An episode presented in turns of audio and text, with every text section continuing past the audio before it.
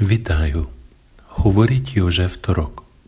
У 21 столітті подія, яка вважалася неймовірною, сталася рік тому тут, у Східній Європі. Держава напала на іншу суверенну державу без будь-яких провокаційних прецедентів. A 21. században elképzelhetetlennek tartott esemény következett be itt, Kelet-Európában. Provokatív előzmény nélkül megtámadott egy állam egy másik szuverén államot. Atakovana krajina je bezposzeredným suszidom Uhorsini, Ukrajina. A megtámadott ország Magyarország közvetlen szomszédja, Ukrajna. Сьогодні, 24 лютого 2023 року, у 6 годині ранку триває 366 за відзначенням агресора доба спеціальної військової операції. 2023. február 24-én reggel 6 órakor éppen 366. napja tart az agresszor megfogalmazásában speciális katonai művelet. На території України досі воюють російські професійні, рядові, найманці та каторжні військові формування. Orosz hivatásos, sorozat, zsoldos és elítéltekből verbuvált katonai egységek a mai napig harcolnak Ukrajna területén. Населенні пункти, включно зі столицею Києвом, дороги, інфраструктура, електро та водопостачання з цілями атак balisztičných raket. Települések, köztük a főváros Kijív, utak, az áram- és vízellátást biztosító infrastruktúra mind ballisztikus rakétatámadások célpontja. У цей день ми на радіо Лацотер робимо капсулу часу про те, які думки спадають на думку, що ми переживаємо чи відчуваємо. Ezen a napon mi, a Látszótér rádiósai és hallgatói időkapszulát készítünk arról, amilyen gondolatok erről eszünkbe jutnak, amit tapasztalunk, vagy érzünk. Na szóval, előre is elnézést kérek, nem tudom, hogy leszek-e elég összeszedett. Kérte Jóska ezt a hozzájárulást, vagy dolgot a ukrán háborúról, amit most elmulasztottam újra elolvasni, hogy mit is kért. És hát nyilván készülni is elmulasztottam rá, mert valamikor nagy nehezen megvászoltam, hogy jó lesz ez, akarom. Aztán utána naivan vártam majd, hogy egyszer csak szájunkba rágja azt a szokásost is, tehát hogy mit szeretünk, mit utálunk, mind nevettünk nagyot, mind kevésbé nagyot az ukrán háború kapcsán, de nem küldött ilyen listát, nyilván nem véletlenül. Így nem is tudtam mit elutasítani, hogy én aztán ezekre a kérdésekre nem válaszolok, mert magamtól kitálok valamit, hanem és se találtam semmit se. Azért gondolkodtam rajta helyek közül, amikor eszembe jutott. Na és akkor ebből próbálok most valamit rögtönözni. Szóval nyilván előtte is egy évet megelőzően jöttek a hírek, hogy Ukrajnában mi van, de azokat az ember fokozatosan megszokta, és messziről így nem lehetett eldönteni, akkor mikor kimond nagyobbat, vagy kinek van igaza. Ugye egészen 24-ig, amikor aztán kiderült, hogy hát azoknak lett igaz, akik azt mondták, hogy itt háború lesz. Persze nem lesz, hanem már akkor volt 2014 óta, mióta a krímet is elfoglalták, és mióta alacsony intenzitással zajlott ez a Tombaszi, mm, nem is tudom minek nevezzem, hadművelet, oroszok által szított elszakadás. De ugye az más volt, ez pedig egy háború. Vagyis nyilván nem is háború, hanem ez a, ez a nagy honvédő különleges művelet. Szóval kitört a háború, és hát ez nyilván azonnal a hírek közé került, és akkor én is, mint ahogy a többiek, rákattantam, és folyamatosan olvasgattam ezeket a híreket. Egyre rosszabb lett a helyzet, aztán jöttek már ilyen képes, meg videós tudósítások, egy ideig azokat is elkezdtem követni. Aztán azon kaptam magam, hogy már éjszakában nyúlóan nézegetem ezeket a videókat, főleg arra emlékszem, amelyik AP hírügynökség, nem tudom az micsoda, Associated Press, vagy American Press, már nem tudom. Egy kórházban csinálták, és akkor ott láttam a apát, aki ráborult a gyerekének a holtestére, aki tíz évesen kiment focizni. Az eléggé megrázott. de aztán ez még nem volt elég, mert akkor az orvos az még levitte a kamerásokat az alaksorba, ahol már nem fértek el a halottak, csak ilyen zsákokban ott hevertek a folyosón, és volt egy kis zsák is, amiből aztán elő tudott húzni egy egészen kicsike lila csecsemőkezet, ami egy csecsemőhöz tartozott, aki halott volt abban a zsákban. Azon azért lehetett sírni, de ez annyira nyomasztó is volt, hogy ezt egy idő után azért abba kellett hagyni, tehát vissza kell jönni arra, hogy mondjuk maximum a híreket olvasom el, Rácz András elemzéseket, és hát nyilván ez azóta is tart. Olyan érzés kerített a hatalmába, amikor azt hallottam, hogy Oroszország megtámadta Ukrajnát, mint hogyha egy kisgyereknek nem lenne szabad felemelnie a kezét, és nem üthetne vissza, miközben pofozzák, verik, boxolják, gyomrozzák. Ahhoz, hogy el lehessen kerülni a háború eszkalálódását, Ukrajnának csak a saját területén van joga és csak védekezni. 2022. február 24-én egy kedves barátom születésnapja van. Úgyhogy számomra megdöbbentő volt, hogy éppen ezzel a napra esett a, az orosz agresszió, ahogyan Oroszország ezt a háborút becézi kitörése. És bevallom őszintén, hogy nem nagyon tudtam az egészet feldolgozni, mármint, hogy valójában egészen elképzelhetetlen volt számomra, hogy Európában a 21. században is lesz háború, méghozzá itt egészen közel hozzánk. Amikor a gyerekeim kicsik voltak, akkor volt a délszláv háború, és mivel mi Pécset lakunk, ezért hát nem is azt mondom, hogy páholyból nézhettük, mert ez nem valami kellemes dolog volt, de hát bizony megtapasztaltuk azt, hogy milyen, amikor mondjuk tiszta időben ágyuk torkolat tüzét is lehet látni a déli határ felől. És soha nem felejtem el, hogy milyen rettenetesen frusztrálta a gyerekeimet, vagy hát talán nem is ez a legjobb szó, nem ez a legjobb kifejezés erre, hogy mennyire nyomasztotta, inkább így mondom, a háború közelsége őket, illetve milyen érzés volt az, amikor ugye az amerikai bombázók fölöttünk húztak el délre. Úgyhogy amikor meghallottam ezt az egész dolgot tavaly, lassan egy éve, akkor inkább a hitetlenség volt bennem, vagy a, vagy a, a csalódottság.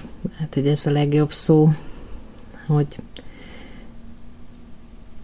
emberek képesek mások életét kioltani azért, hogy területeket szerezzenek meg. Ez egészen elképesztő, azt hiszem, és soha nem gondoltam volna, hogy ilyen ostoba érvektől vagy motivumoktól vezérelve aztán majd tényleg megint megtörténik az, amit olyan sokat reménykedtünk, hogy soha többé nem lesz majd háború. Persze tudom, hogy az én életem ilyen szempontból nagyon békés élet volt, hiszen ugye az én szüleim a második világháború alatt születtek, vagy picit apám előtte is, de a család történetében bizony beírta magát a második világháború.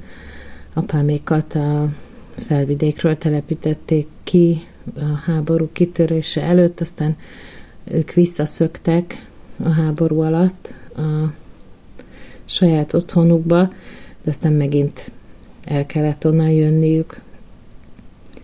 Már egy éve. Hát igazából sokkal előbb kezdődött.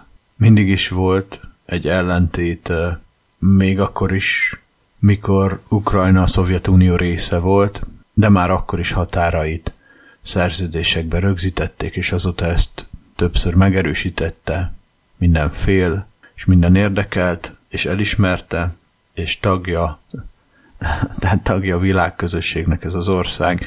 És teljesen meglepő, hogy a 21. században már nem is annyira nagyon az elején van egy olyan nagyhatalom, aki azt gondolja, hogy ő neki közvetlenül le kéne rohannia a szomszédját, miközben területi követelése csak mások nevében van, nagyon sokat úgy felhozni nem tud, és mégis ez megtörténik. Mikor gyerek voltam, sok skifiregényt olvastam, és sajnos ez rányomta a bélyegét a gondolkodásomra, már ha van nekem olyanom, és, és úgy gondoltam, hogy hát semmi értelme annak, hogy egymást gyilkoljuk. És miért van az, hogy benne van a polgári törvénykönyvben, vagy akár a tíz parancsolatban, vagy bármilyen vallás parancsolatában, hogy ne ölj, kivéve, ha a szomszédot kell kinyírni. És a hatalomnak éppen érdeke, mert akkor szabad, sőt, akkor kitüntetést is kaphatsz érte. Egy éve, persze azelőtt ott volt még a, ma mindegy, ott volt már 2014 óta ez, de már egy éve, hogy oda át nagyon nehéz lehet az élet, és egyre nehezebb, attól függ persze, hogy hol vagy.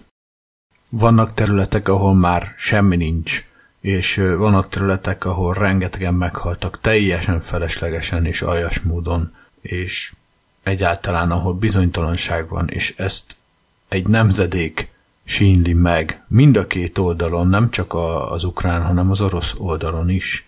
Senki nem akarta a fiát elküldeni, hogy lőjön a szomszédország hasonló korú fiaira. Senki. A nyelv nagyon hasonló, amit beszélnek, a kultúra nagyon hasonló, osztozhatnának, örülhetnének ennek, de vannak politikusok, akiknek ez nem tetszik, és itt most én főleg Putyinra gondolok. És mindig nagyon meglep az, és ez ismét egy választóvonal, amikor bizonyos emberek, akik állítólag békét sürgetnek, és az én személyes ismerőseim között is vannak ilyenek, akiket továbbra is szeretek, de megérteni nehezen tudok most már.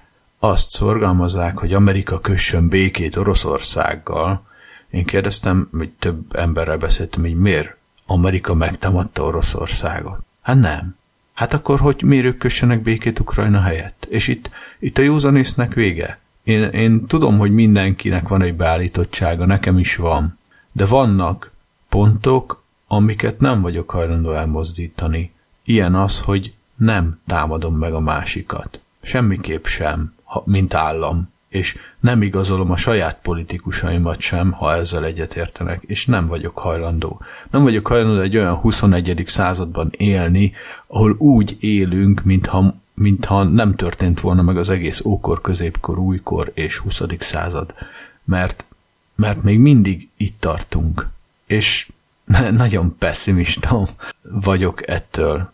A, az a kényszerképzetem támad, hogy soha nem fogunk mi megváltozni, soha nem fogunk, nem akarunk, nem leszünk képesek kiemelkedni abból a mocsárból, amit a saját múltunk, nemzedéki múltunk, a, a, a, az őseinké, a kis saját sértettségünk, a saját büszkeségünk, vagy tehetetlenségünk, bármink is ránk mér. És, és én ebből fel akartam repülni. És ahogy skifi könyveket olvastam annó, ugye abban megvolt erre a remény, és, és ez a remény nekem most szerte foszlani látszik, pont Ukrajnával is. De hát azelőtt is, ha körülnéztem a, a világszerte a hírekben, túl Párizson, Londonon, Magyarországon, vagy bár a környéken, a, a szörnyűséges dolgok történtek az iszlám állammal, afrikai terrorszervezetekkel, afrikai kormányokkal. Egyszerűen nem szabad beleolvasni, mert mert még úgy is megöl, hogy téged személyesen közvetlenül nem érint. Még úgy is elveszi az életerődet. Nagy ez a világ, és sok benne a nyomor, és ez most közel került hozzánk. Van egy történetem az ukrajnai háborúval kapcsolatban, hát elmesélem. Nagyon sokat vaciláltam, gondolkodtam azon, hogy hogy úgy fogom, hogy leírom, egy kis elbeszélést írok belőle, hát egy ilyen kis novella félét, hogy, hogy ne legyen annyira személyes, meg hát, hogy egy kicsit így kiszínezzem, kerekítsem, gömbölyítsem, de, de hát aztán nagyon hamar rájöttem, hogy nem ez a lényeg. Tehát nem a történet a lényeg. Amit mondani akarok, az az, hogy bármennyire is vagy távol egy háborútól, egy, egy bármilyen ezektől a rossz, a rossz eseményektől, a rossz gondolatoktól, a, a sok ö, háború, a bántás, a, a, a minden, ami rossz, attól megpróbálok elzárkózni, hogy becsukom a szemem, befogom a fülem, nem, nem hallom, nem érdekel, nem látom, nem nézem meg, nem akarok hallani se róla. Ez a, nem tudom, nyilván védekezés nálam ez, ez az alapfelállás, hogy ami rossz, azt arról én nem akarok hallani. Nem akarom tudni se, hogy van a világom. Azzal akarok foglalkozni, ami jó a világban. És hát a háború nem jó. Elbújnék előle. És amit éppen ezzel a történettel akarok nektek elmondani, hogy nem lehet. Nincs, esélyem nincs, és senkinek nincs ezek elől, ezekből kivonni magát, ezek elől elbújni a negatív, a rossz dolgok elől, mert, mert mindenkit megérint valahol. Hiába van ezer kilométerekre, hiába nem velem, nem az én hozzátartozóimmal, nem az én környezetemmel történik, akkor is belekeveredek előbb-utóbb valami úton, módon. Az első emlék az az ukrán zenekari tag, aki Amerikából azt hiszem ment el hazáját megvédeni, és énekelte azt a nagyon ismerős ukrán talán népdalt, az volt az első élmény. Ой, у лузі червона калина похилилася. Чогось наша славна Україна зажурилася, а ми тую червону калину підіймемо, а ми нашу славну Україну roзвеселимо. Sziasztok, Évi vagyok, és a mondandóm jó része a 2022. február 24-én kirobbant orosz-ukrán konfliktusra reflektál. Készítettem egyfajta visszatekintést, emlékezést, hogy én hogy emlékszem arra a napra.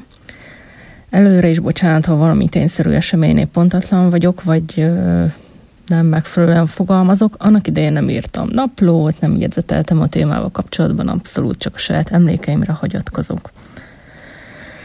Szóval először is mire emlékszem azzal a bizonyos nappal kapcsolatban? Hát, bocsánat, hogy a saját szemponton veszem most előre, ami igazán jelentéktelen, de akkor, akkor és ott nagyon dühös voltam, mert hát mégiscsak a születésnapom előtt pár nappal sikerült kirobbantani ezt a háborút, Dühös voltam és féltem, mert miközben eljött a születésnapom, emlékszem, ott éppen azon szorongott mindenki, hogy vajon lesz-e atomháború.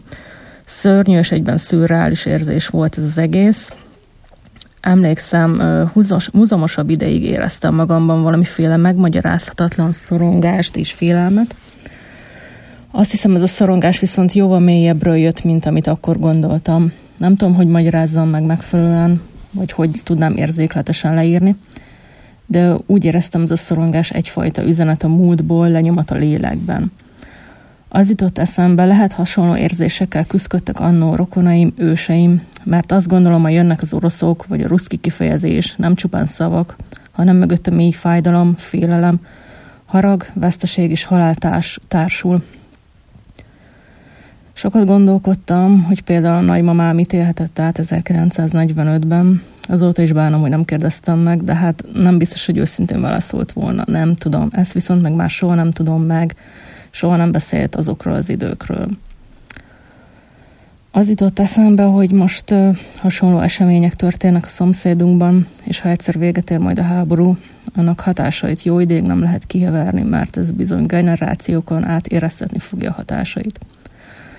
Talán a feldolgozásban segíthet a pszichológia tudománya, szakemberek, hiszen, hiszen annak idején sem volt, nem lehetett az átét fájdalmakról beszélni, vagy egyáltalán kibeszélni.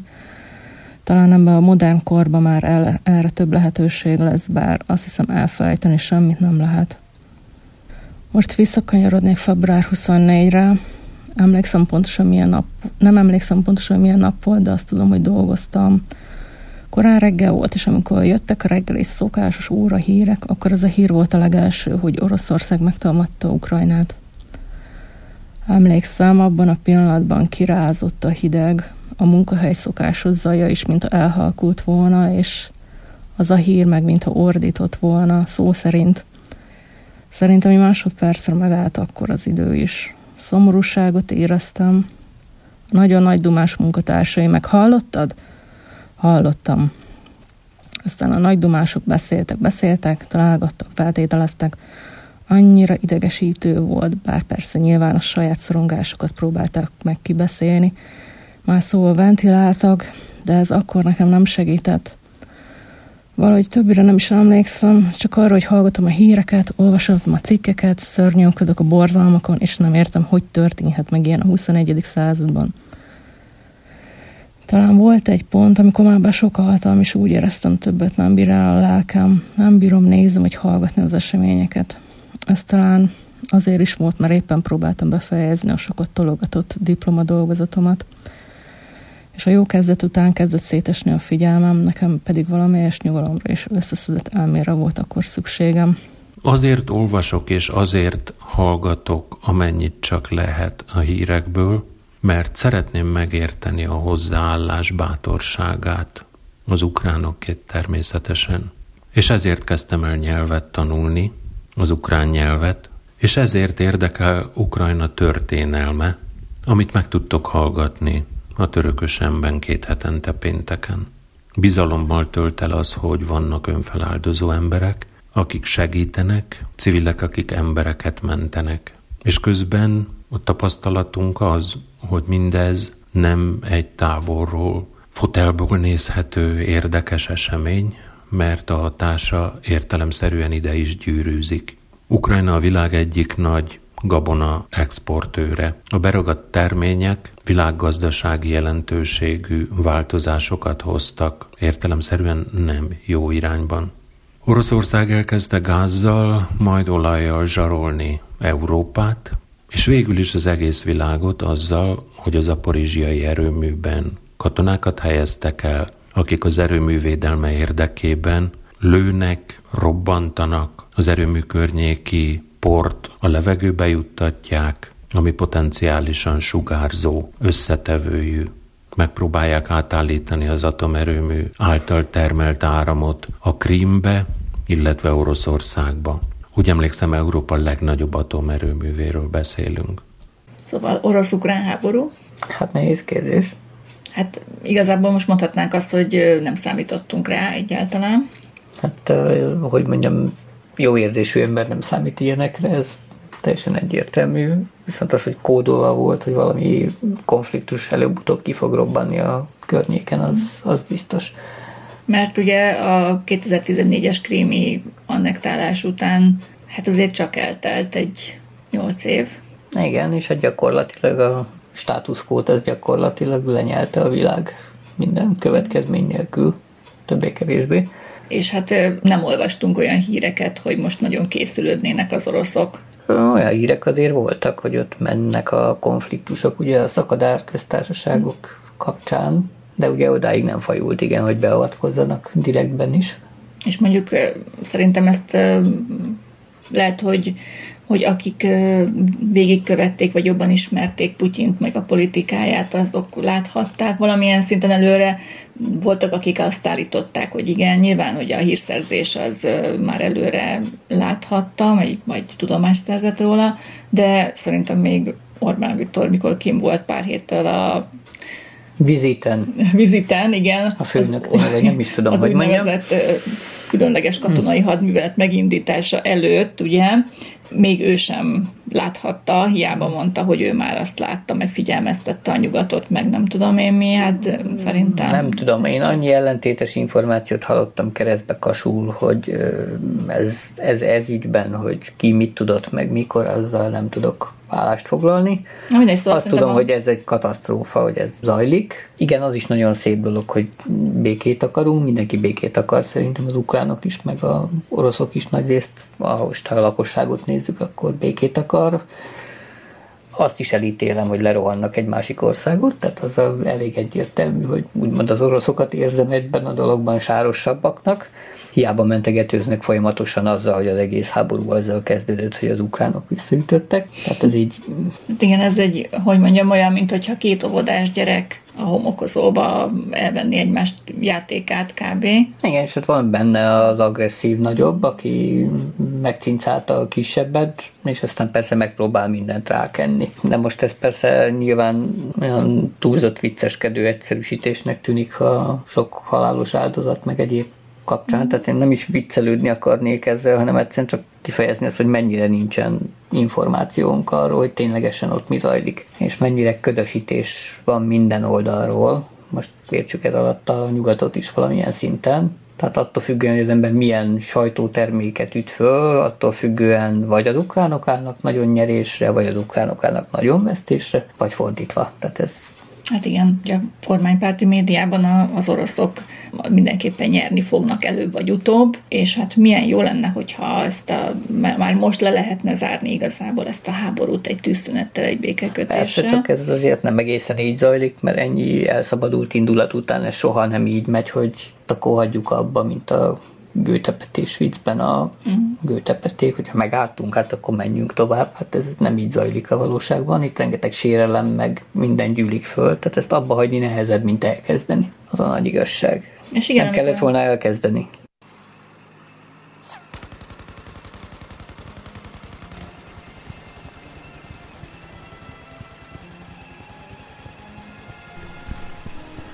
Kicsi szoba, három heverő, asztalka, egy televíziós sarokban. Galina, Tamara és Andrei él itt, utóbbi épp a házigazdának segít megjavítani a csepegőtetőt. Nyugdíjasok, rokonok is egymás nászai, az unokájuk közös.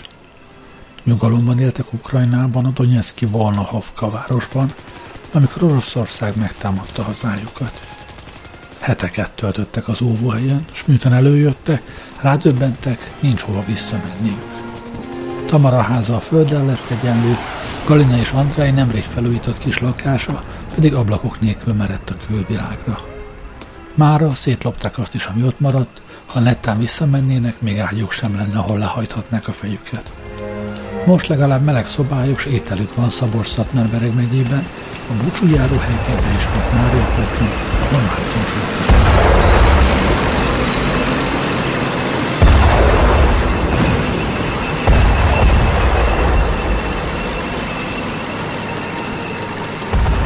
Mikrobusszal indultunk útnak, az ablakán hét golyóütötte nyom volt, a fűtés nem működött, mert a generátort is találgatjeltek.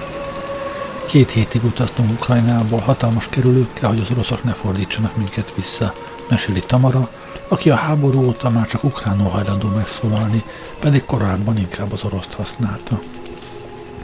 Mária Pócson, a Hungarikum vendéghez egyik lakrészében találtak otthonra, itt engetik a napjaikat, híreket olvasva, tévét nézve, és sóvárogva a régi életük után. Nyugdíjasként a bankkártyájukon egyelőre minden hónapban ott van az a 20-30 ezer forint, amit az ukrán államtól kapna, de nem tudják, meddig jut el hozzájuk ez a pénz egyre romló gazdasági helyzet miatt. Magyarországon viszont csak azok kapnak menekültként úgynevezett rendszeres létfenntartási támogatást, akik nem részesülnek egyéb juttatásban. Júlia aki lányával, Viktóriával vonattal érkezett Magyarországba Dnyiplóból, kettejük után nagyjából 35 ezer forintot kap havonta a magyar államtól ilyen címen. Étkezésre keveset kell költeni, és a segélyszervezetektől ruhákat is kapna, így egyelőre biztonságosan megélnek ebből az összegből. Ő korábban egy ukrán áruházlánc pénztárosaként dolgozott, férje mérnök. Tudtuk, hogy a lányunk biztonsága érdekében el kell majd indulnunk, de reménykedtem, hogy a férjem is velünk jöhet, így elve két bőröndöt pakoltam össze, amikor készülődtünk. Az állomáson derült ki, hogy nem jöhet, egyedül kell boldogulnunk, mondja. Egymagában kell most megküzdeni azzal a kihívással is, hogy kislánya szeptembertől a Mária Pócsi óvodába került. Aggódott, miként boldogul, majd a csak ukránul beszélő kisgyerek a magyar társai között, de néhány hét elteltével úgy tűnik, Viktória feltalálta magát. Amikor beléptünk az óvoda ajtaján, sorra oda jöttek hozzá a helyi kisgyerekek, áttölelték, kézen fogták, vitték maguk közé. Idézi fel az első napokat adóba Éva, a menedék migránsokat segítő egyesület nyírbátori munkatársa. Ő közel 20 esztendeje települt át Magyarországra Kárpátaljáról, és előbb Debrecenben az ottani menekült szálláson dolgozott, később került át a nyírségi városba. Most a mindennapokban segíti az ukrajnai menekülteket, tolmácsol, ügyet intéz, minket is ő kísért. Van, hogy a menedékes kártya dokumentációját kell előkészítenie, máskor előfordul, hogy az egyik ukrán anya egy cukrászdából hívja fel, segítsen portát rendelni a kislánya születésnapjára. Próbál munkát is szerezni a gondjaira bízott embereknek, de a legtöbb helyen falakba ütközik. Magyar nyelvtudás hiány hivatalos álláshelyre senkit nem tudott kiközvetíteni. Még ott vagyunk, jön egy telefonhívás. Egy japán segélyszervezet rendszeresen adna támogatást azoknak a nőknek és férfiaknak, akik napi 3-4 órában valamilyen munkát vállalna, hiszen az is a további beilleszkedésüket segíteni. Legtöbben azonban csak átmenetileg szeretnének beilleszkedni, mindenki arról mesél, hogy hazavágyik. A Júliával együtt érkezett Anna és két gyermeke nyáron már visszamenj Gyipogva, így tett Margarita is, aki pszichológusként speciális igényű gyerekek fejlesztésében segít, és ezt a munkát néhány hónapig Mária Porsol online végezte, december közepén azonban lányával együtt ő is visszatért az ukrán városba.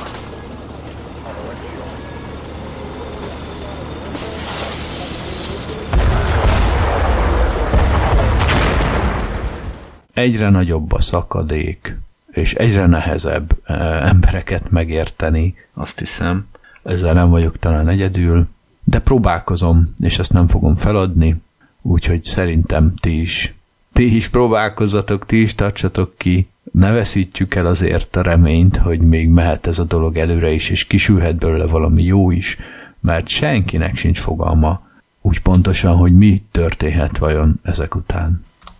A, az ukrán háború az valami olyasmi, azt hiszem, amit mi itt Magyarországon nem nagyon érzünk, nem nagyon tapasztaltunk meg.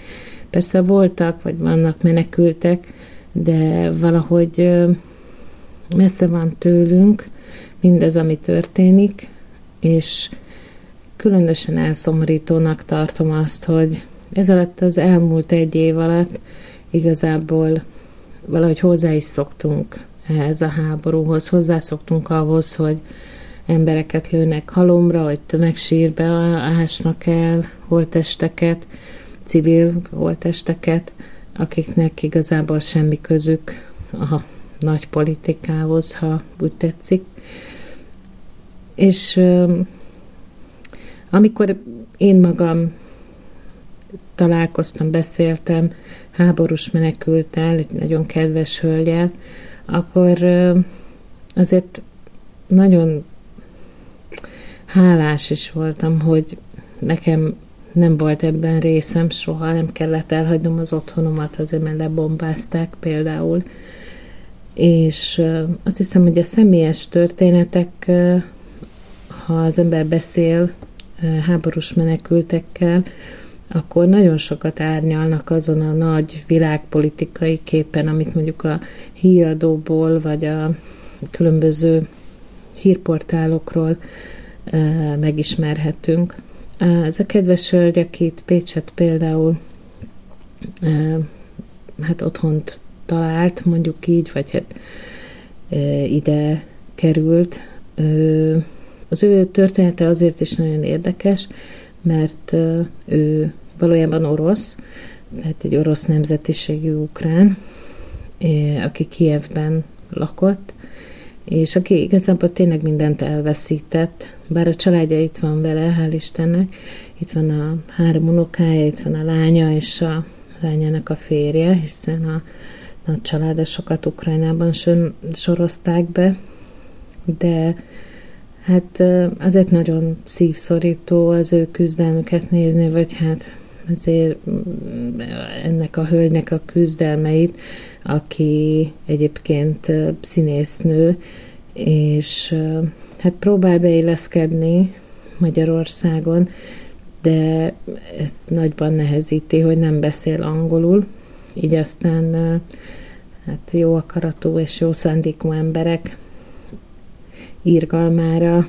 tud alapozni, és hát az is szívszorító igazából, hogy mennyire reménykedett abban, hogy ez a háború hamar véget ér és hazaköltözhet, de hogy ez a remény, ez úgy tűnik, hogy egyre inkább fogyóban van, úgyhogy nem tudom, hogy az ő sorsa majd hogyan alakul, de az biztos, hogy tanulságos mindannyiunk számára, hogy milyen nehéz sorsokat élnek meg emberek. A háború egyébként nem egy éve kezdődött. 2014-ben Oroszország elfoglalta annektált a Krímet, és elkezdte támogatni azokat a szakadár félkatonai szervezeteket, amelyek Donetsk és Luhansk megyék elszakadását tűzték az ászlajukra. Akkor miért nem zúdult föl a világ, és most miért áll ki nagyon kevés kivételtől eltekintve, mondom, és az arcom, Ukrajna mellett. Azért, mert Oroszország nagyon ügyes politikával az összes nagy termelő és nemzetközi világgazdasági szinten lényeges vállalkozásának az, az ügyvezető elnökségébe Európa és a világ vezető politikai tényezőit ültették be. Ezáltal az ő szájuk be volt tömve, esély sem volt arra, hogy bárki is fölemelje a hangját azért, hogy ez egy példanélküli esemény vagy cselekmény, hiszen a az 1994-es budapesti protokoll értelmében Ukrajna területének épségét minden a megállapodást aláíró fél vállalta, hogy garantálja. Minimum a Krím annektálásával ennek a megállapodásnak a megsértése megtörtént és szépen folyamatosan következtek egymásra azok az események, amik a 2014 óta folyamatosan félháborús állapotban levő Luhansk és Donetsk medencei emberekben kialakította azt az érzést, hogy legyen vége a háborúnak, jöjjön akár a Putyin, legyen rend, de ez ne maradjon fönn tovább.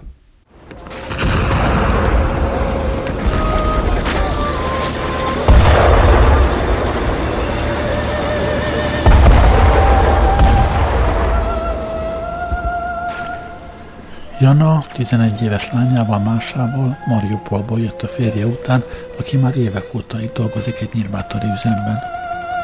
A gyerekeknek hiányoznak a társai, és ez megnehezíti az itteni tanulást, így ő egyelőre inkább még túlél. A valódi oktatása délután kezdődik, amikor a saját Mariupoli iskola közösségének óráiba kapcsolódik be az internet segítségével. Az itt élő hat ukrán diákot az egyik nyírbátori általános iskola fogadta be, és a lehetőségeikhez képes segítik a fejlődésüket. Felvettek teljes állásba egy kárpátaljai pedagógust, aki ott van a gyerekek mellett, a tantestület hat tagja pedig egy-egy tanulót mentorként külön is felzártolkoztat. Tudjuk meg a Dóba Évától.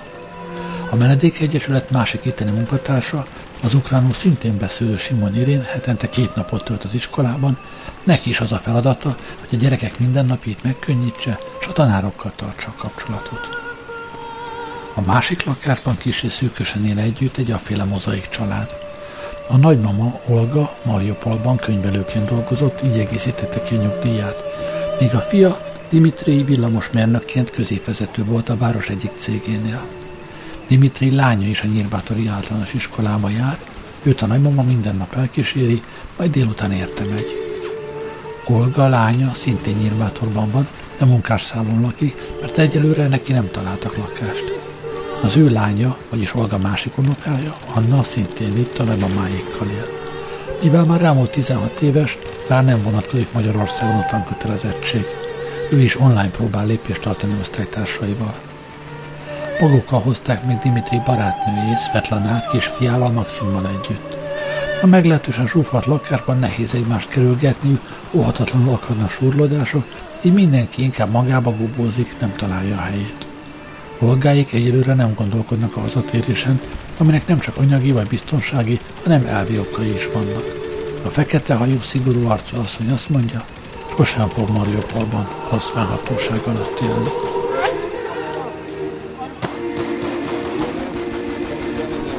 Sem Nyírmátorban, sem Máriapolcson nincsenek azonban olyan lehetőségek, amelyek a túlélésen kívül valódi életstratégiát adnának az Ukrajnából menekült embereknek.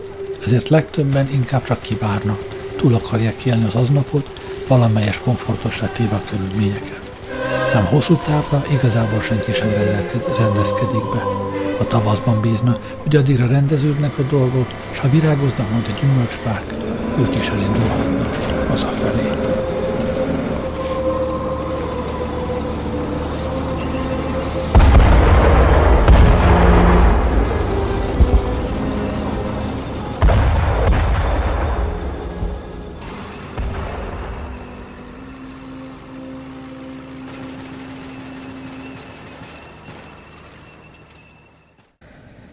Hoztam egy kis könyvajánlót, nem mindegyiket olvastam, valamelyikbe csak belekezdtem, valamelyikhez gyűjtöm az erőt, mert biztos, hogy benne lévő tartalom felkavaró. Az első az Király Jármisztól a Zárka című könyv. Ő Alexei Navalnyi szóvívője, vagy szóvívője volt, akinek nyugtalanító aktuális regénye a mai Oroszországról szól. Nem olvastam még végig, arról szól, egy korrup- arról szól, hogy egy korrupció ellenes tüntetésen a rendőrség őrizetbe veszi a főszereplő ányát, akit egy negyed órás tárgyaláson elzárásra ítérnek. Rácsok mögé kerül hozzá hasonló fiatal nők társaságában, akiket szintén valamilyen nagyon piti dolog miatt kerültek oda. A börtönben töltött idő nagyon lassan telik, a nők beszélgetésbe elegyednek egymással. Igen, a végi fejletet nem ismerem, mivel nem olvastam végig, mert igazából, mint az előbb említettem, a diplomadolgozatomra próbáltam meg koncentrálni, és úgy éreztem, hogy inkább a szakirodalommal foglalatoskodnék, vagy inkább azokat olvasnám, úgyhogy pár könyvet beszereztem akkor, de valamit be- belekezdtem, de sokat nem olvastam végig. A második könyv szerzője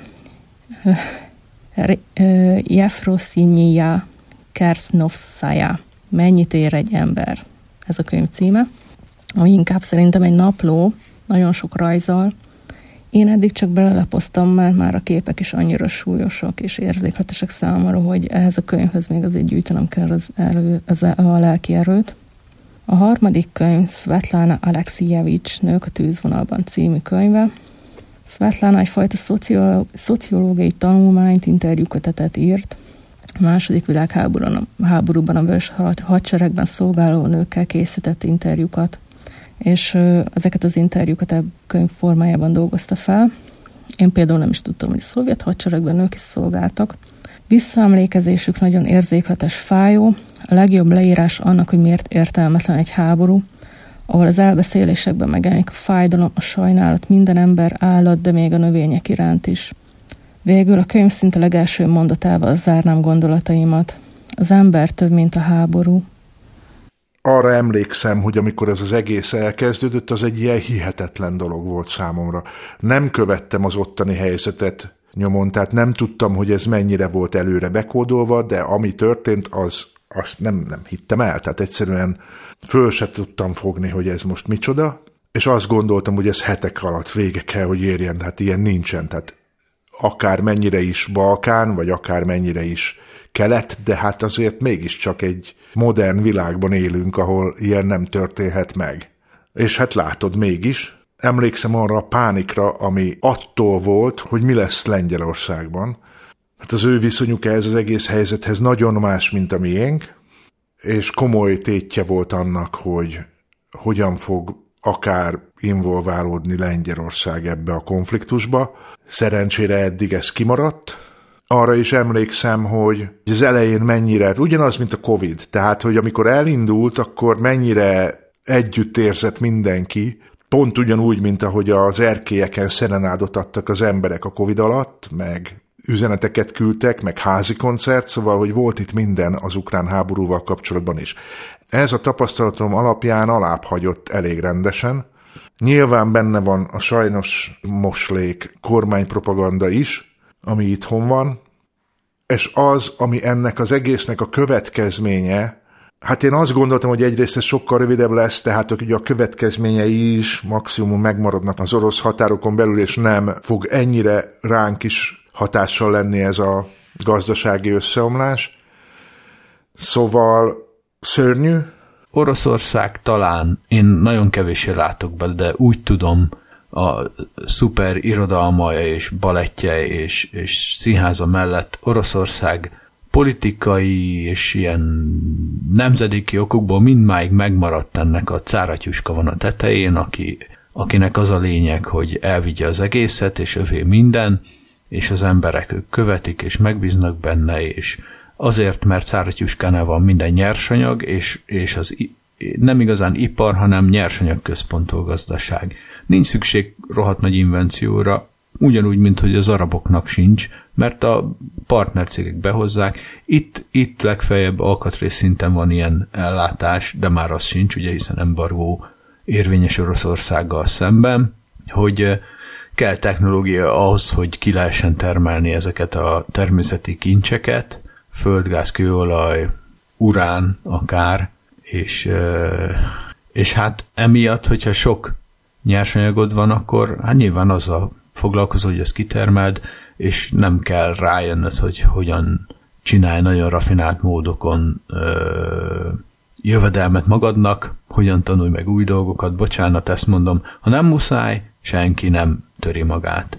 És ezért van szerintem, hogy ezek az országok, ahol jelentős természeti kincsek vannak, ahelyett, hogy ebből egy aranykort tudnának csinálni, egy diktatúrát, államkapitalizmust, és hasonlókat csinálnak, és az a jó, az soha nem a polgárokig jut, hanem valahol elakad egy néhány zsebben, amit nagyon vastagra hízlal. Ez egyáltalán nem egyedülálló Oroszország tekintetében is, talán nem is itt a legsúlyosabb a világon, sőt biztos nem, de ez van. Töltöttem időt a Szovjetunióban, találkoztam orosz emberekkel, beszélgettem velük. Folyamatosan igyekszem követni az eseményeket, 15-20 forrást követek. Tudom, hogy vannak Oroszországban, akik kételkednek a saját igazukban, de tudom, hogy a propagandagépezet ott is nagyon jól működik. Tudom, hogy nem hiszik el azt, hogy neonácik tartanák rettegésben az orosz állampolgárokat vagy az oroszokat Ukrajna területén. Ukrajnában ugyanis élnek oroszok, akik ukrán állampolgárnak tekintik magukat. Orosz családból származnak, oroszul beszélnek, mindkét nyelven értenek, és sokan közülük azután, hogy kitört a háború, inkább tört ukránsággal kezdtek beszélni, mint sem oroszul, kifejezve hovatartozásukat. Oroszország számára az orosz propagandagépezet által tálcán nyújtott gondolkodást feleslegessé tevő alternatíva, hogy Oroszországnak igaza van, hogy a neonácik nyomása alól föl kell szabadítani Ukrajnát. Annak a hírnek a hatására, hogy sorozzák a férfiakat, férfiak áradata indult meg Oroszországból a környező olyan országokba, ahova nem kellett vízum. A sorozások elől, aki csak teheti, igyekszik megmenekülni, és ez tulajdonképpen reménységre ad okot, mert valószínűleg sokkal nagyobb arányban vannak azok, akik tisztában vannak azzal, hogy húsdarálóba mennek, hogyha besorozzák őket, mint ahányan hallatni tudják, vagy merik a hangjukat, ez ellen az esztelen tevékenység ellen.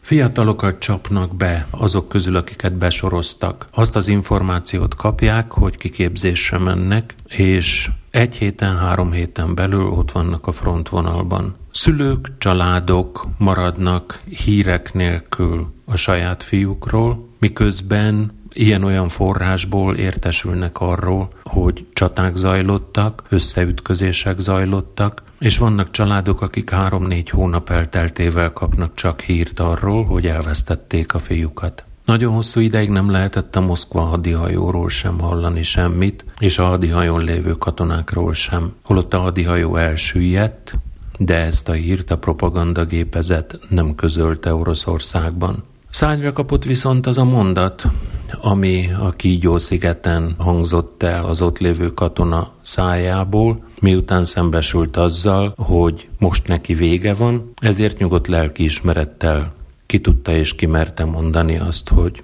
Ruszki vajenni karabl, igyénáhúj. Maga a kifejezés nagyon durva, de közszájon forgóvá vált, és sajnálatos módon éppen a héten hangzott el ugyanez a magyar vezetés irányába, azért, amilyen álláspontot képvisel ennek a háborúnak a kapcsán. Oroszország igyekszik eh, diszkreditálni mindent, ami nem a hivatalos propagandával kapcsolatos. Idegen ügynöknek nyilvánítanak szinte mindenkit, aki nem a hivatalos álláspontot közvetíti, nem kívánatos személyeknek nyilvánítják őket, és ezeknek a listáknak a hetenkénti megújítása folyamatosan újabb nevekkel gazdagodik. Új kötelező tanórákat vezettek be beszélgetés a fontos dolgokról címmel.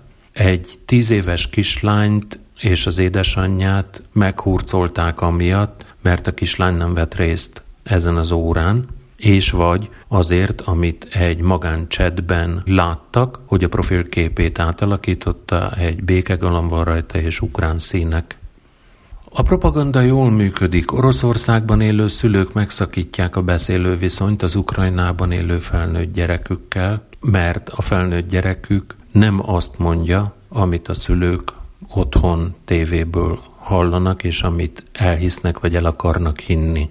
Mindezt az Ukrajnában élők szomorúan veszik tudomásul.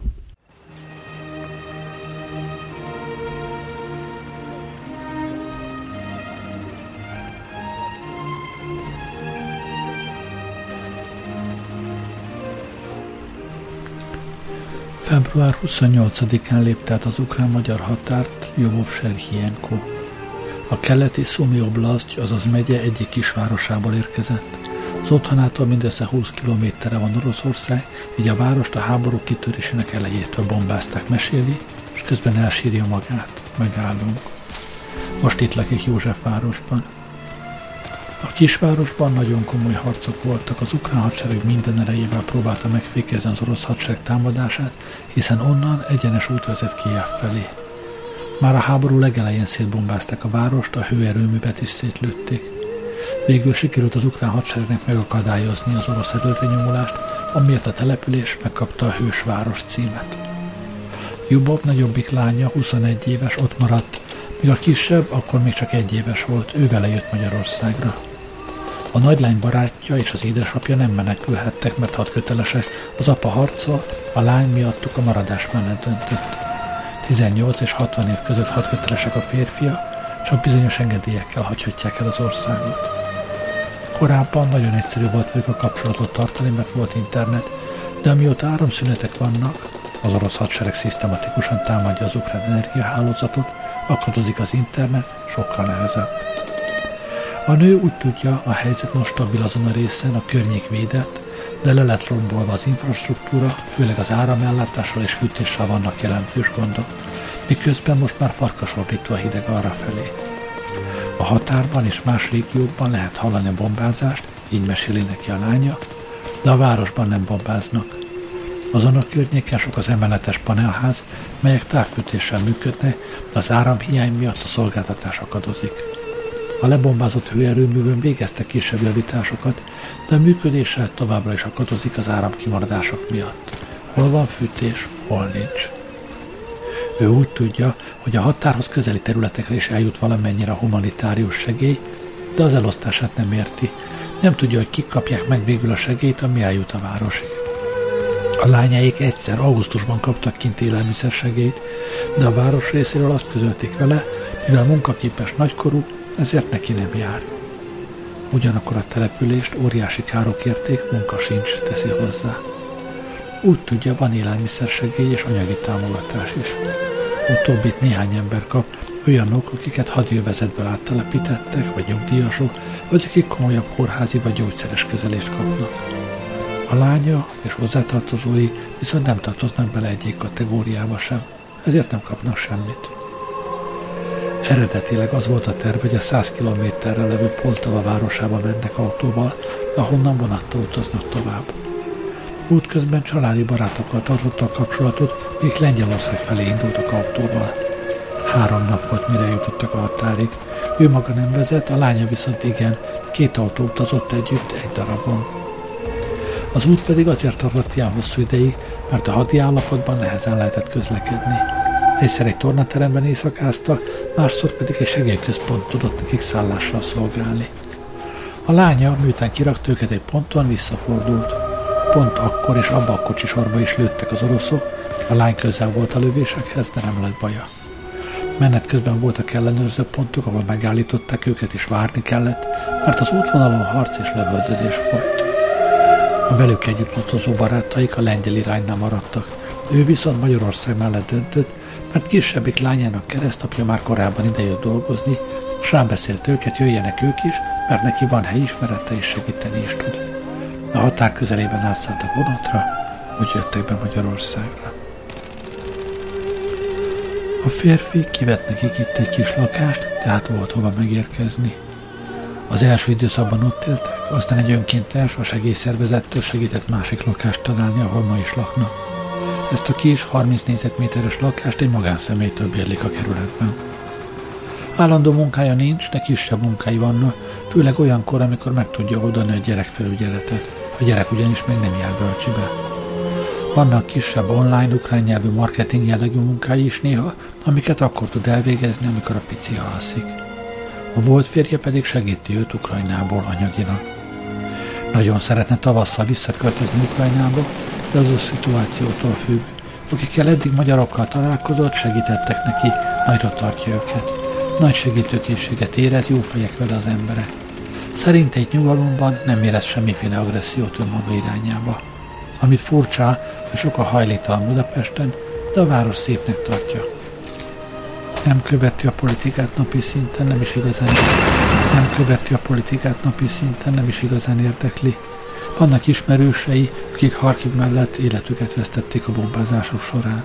Egy katona ismerőse is meghaltott. Azt szeretné, ha hozzátartozói barátai életben maradnának, és minél hamarabb befejeződne a háború.